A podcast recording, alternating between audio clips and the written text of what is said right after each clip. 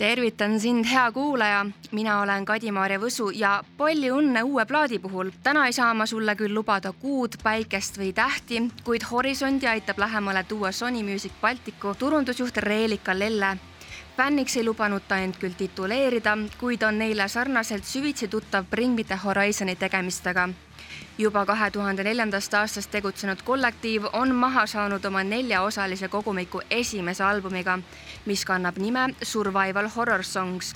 sellega pöördutakse tagasi juurte juurde ning tuuakse publikuni mitmekülgne bänd selle juba tuntud ja tunnustatud raskuses plaadil teevad kaasa ka mitmed suured nimed, nagu näiteks Evanescence'ist tuntud lauljanna Amy Lee, ülemaailmset populaarsust koguv Jaapani naistest koosnev metal-bänd Baby Metal ja hoopis teist karva artist Youngblood. käppapidi on sees ka legendaarse arvutimängu Doom muusikaprodutsent Mick Gordon. Kõrvad tasub kikkis hoida ka kõigil neil, kes ise pilli tinistada armastavad ja suurtest lavadest unistavad, sest kogenud turundusjuht jagab oma visiooni edu saavutamiseks ka teiega ütleme, kas raske muusikasõber ei ehmu ära sellisest vandenõuteooriast või kas neile meeldib see või, või neid ei koti üldse, millest muusika räägib? selles mõttes, et see ei ole kindlasti vandenõuteooria, see sõnum on see, mida me igapäevaselt siin nii-öelda läbi elame. et Parasite Eve, nagu sa mainisid, on äh, tegelikult kahe tuhande üheksateistkümnenda aasta suvel alustatud lugu, mil oli äh, Inglismaal parasjagu see kuumalaine, kus oli kolmkümmend kuus kraadi, mis kindlasti ei ole normaalne ja sellele, sellel päeval siis Olli Sykes läks stuudiosse, mõtles, et täna on see hetk, kui ma midagi kirjutan. kuna nii palav oli, siis ta mõtles, et ma ei tea, internetis oli seal, uuris midagi ja siis sattus sinna interneti spiraali, kus sa hakkad äh, lugema siis igasuguseid artikleid siis selle, selle kohta, et mis toimub. ta on üldiselt väga selline ühiskonnakriitiline olnud, ta on ka globaalse soojenemise eest seisnud ja see lugu oligi siis äh, tegelikult inspireeritud üldse sellest kliima soojenemisest ja kõigest sellest. kui nad seda lugu välja tahtsid anda, siis äh, see oli siis kaks tuhat kakskümmend nüüd kevadel, kui hakkas see pandeemia ja siis nad veel mõtlesid, nad panid selle loo riiulile kaheks kuuks, mõtlesid, et me ei saa seda välja anda, et kuigi see oli kirjutatud aasta enne, siis ta läks nagu nii naelapea pihta selle sõnumiga, mis sellel hetkel toimus ja nad veits kartsid, et äh, nad saavadki seda kriitikat, aga nende point oligi see, et äh, lihtsalt silmi avada inimestel ka veidi, et vaadata, mis toimub ja et see on hirmutav ja et kuidas me sellest nagu ühiskonnana üle saame, et see oli ka see mõte seal. Parasitiiv ongi tegelikult äh, mõjutatud tuumimuusikast üldse, et nad äh,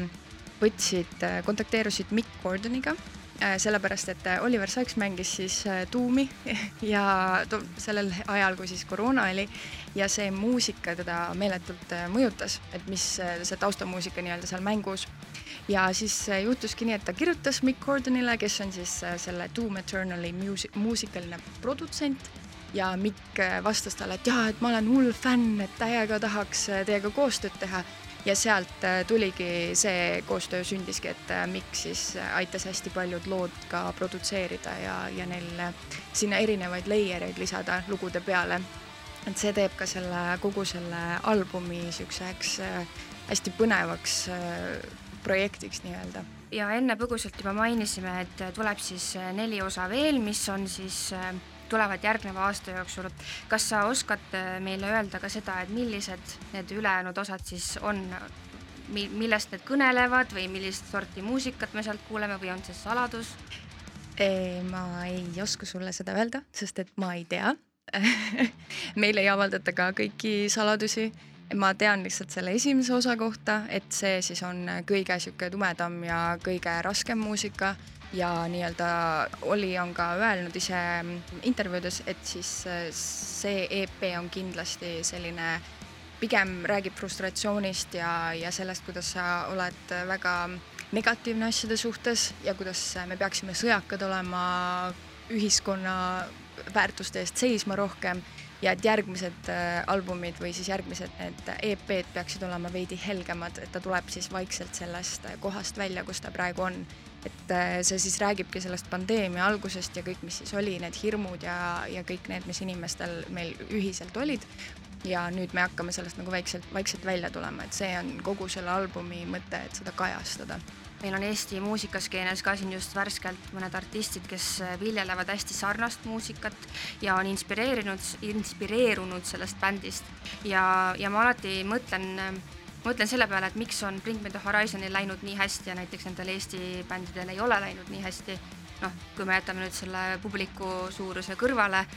et siis äh, Bring Me The Horizon'i puhul paistab silma väga palju see, kuidas iga album on äh, juhindunud mingisugusest kindlast kontseptsioonist ja sellisest juhtlausest, et seal on alates sellest nagu, milline näeb Oliver Sykes parasjagu välja mm, -hmm. lõpetades sellega, et äh, kõik ikkagi muusikavideod on mingisuguse sarnase kas värvigamma või stiiliga. kas sina oskaksid turundusjuhina öelda näiteks Eesti bändidele, kuidas teha sarnast asja ja, ja milliseid punkte nagu peab hoidma sellise kontseptsioonipõhisena, millistega võib hullu panna? no story, story, story, see on see, mida mina alati räägin kõikidele bändidele, kellega ma Eestis ka olen töötanud. et sul on kõige olulisem on see, et sa tead, mille eest sa seisad, sul on mingisugune lugu sinu muusika taga, et see on samasugune kunst nagu maalimine või ükskõik mis muu. ja seda on Bring Me The Horizon ka tõestanud, et neil on mingisugune lugu bändi taga, neil on ajalugu selles mõttes ka, et mida nad on ise läbi elanud, nad on seda muusikasse pannud. ja samamoodi ju kahekümne, äh, kahe tuhande kaheksandal aastal, ähm, kui see bänd oli peaaegu lahku minemas, sest et Oliver oli igal pool nendes sõltuvus, ühesõnaga ta oli sõltuvuses igasugustest ainetest ja siis ta sattus haiglasse ja ta mingi hetk rippus nagu elu ja surma vahel ja siis oligi kõigil fännidel ja kõigil oli niisugune tunne, et noh, see bänd esiteks läheb lahku ja nüüd midagi suurt juhtub. Äh, õnneks ta tuli sellest välja ähm, ja sellest inspireeritud siis kaks tuhat kümme nad tegidki sellise comeback'i, et nad suutsid ähm, kogu selle valu ja kõik selle, mis sellel kaks tuhat kaheksa, kaks tuhat üheksa aastal nende jaoks oli, et nad suutsid selle muusikasse panna ja seda emotsiooni jagada. ja see on täpselt see, mis äh, kõikidel tegelikult suurtel bändidel ongi alati, et nad äh, jagavad mingit sõnumit, mis on nende jaoks oluline. ja see on ka Eesti bändidel, ma kujutan ette, et tegelikult äh, võiks olla tugevamalt just seda sõnumit kajastatud, et miks sa teed seda muusikat või miks sa teed seda asja, mida sa teed Eestis kipub olema hästi palju ka see, et ei taheta või ei nähta mõtet anda välja tervet albumit, et kõik käivad nagu singlitena, et kaks-kolm singlit aastas ja siis noh, ma ei tea, kunagi tuleb mingi best of on ju kümne aasta jooksul. aga miks, miks üldse peaks või kas Eesti muusikud peaksid välja andma ka terveid albumeid, et et valida endale tõesti üks teema, millest nad tahavad rääkida, selle asemel, et rääkida kord armastusest, siis lilledest ja ma ei tea, dinosaurustest. et kas see Eestis üldse on pointi siis albumi väljaandmisel, kas see töötaks sama hästi kui näiteks Bring Me The Horizon'i puhul? no see oleneb žanrist, esiteks, mida sa teed, aga see on tihti albumid on artistide jaoks nagu mingi ajastu nende siis karjääris et nad lõpetavad mingi albumiga, lõpetavad näiteks selle tuuri ära ja nad tunnevadki, et okei okay,, nüüd on see on läbi, ma lähen uuesti stuudiosse ja alustan midagi täiesti uut. osad siis teevad midagi sarnast, mida nad on enne teinud, Bring Me The Horizon'i puhul on, nemad on väga hea näide sellest, kuidas nad alustavadki täiesti uue mindset'iga, teevad midagi täiesti uut, mis paljudele fännidele ei meeldi, osadele meeldib, aga aga see, see täiesti olenebki bändist, aga niisugune samas jälle roki puhul või, või metalli või sellise raskema muusika puhul minu meelest äh, kogu selle kontseptsiooni juurde käibki ikkagi see, et sul on nagu album välja anda, et see on terve see lugu, see on ikkagist kunst jälle, et võib-olla popmuusika puhul ähm, no ma ei ütle, et popmuusika on kuidagi halvem või et seal ei ole äh, lugu taga, aga tihti ongi see, et sa nagu et seal tõesti ei ole niisugust suuremat kontseptsiooni popartistidel taga, aga roki ja sellise sügavama muusika taga tavaliselt on, on need lood, mida inimesed tahavadki kuulda. et see Bring Me The Horizon'i EP on ka, iga lugu kajastab siin mingit uut äh, temaatikat ja see räägib, aga lõppude lõpuks tuleb kokku niisugune ühtne, ühtne projekt siis, mis on äh, väga äge. aga oskad sa meile rääkida Bring Me The Horizon'i kohta mingeid põnevaid fakte või midagi, mida me võib-olla ei tea, sest et äh, ma tean, et ma mäletan, et kui ma olin noorem ja ma seda bändi kuulasin, siis noh, üleüldse nagu Oliver Sykes oli mingi tum-, Tumbleri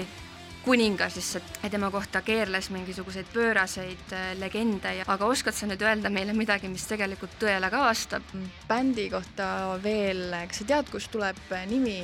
Bring Me The Horizon? neljateistaastane Kadi teab sellele vastust, aga praegu ma ei tea. ma tuletan sulle meelde, et see tuleb äh, Kariibi mere piraatide filmis. Äh, esimeses osas Jack Sparrow viimase lausena ütles Now bring me that horizon ja sealt see tuleb. Väga metal. Jaa. Suur tänu Reelikale ning head kuulamist kõigile, kellele raske muusika ikka mokka mööda on. Ja olgu see horisont siis lõpuks ikka ära toodud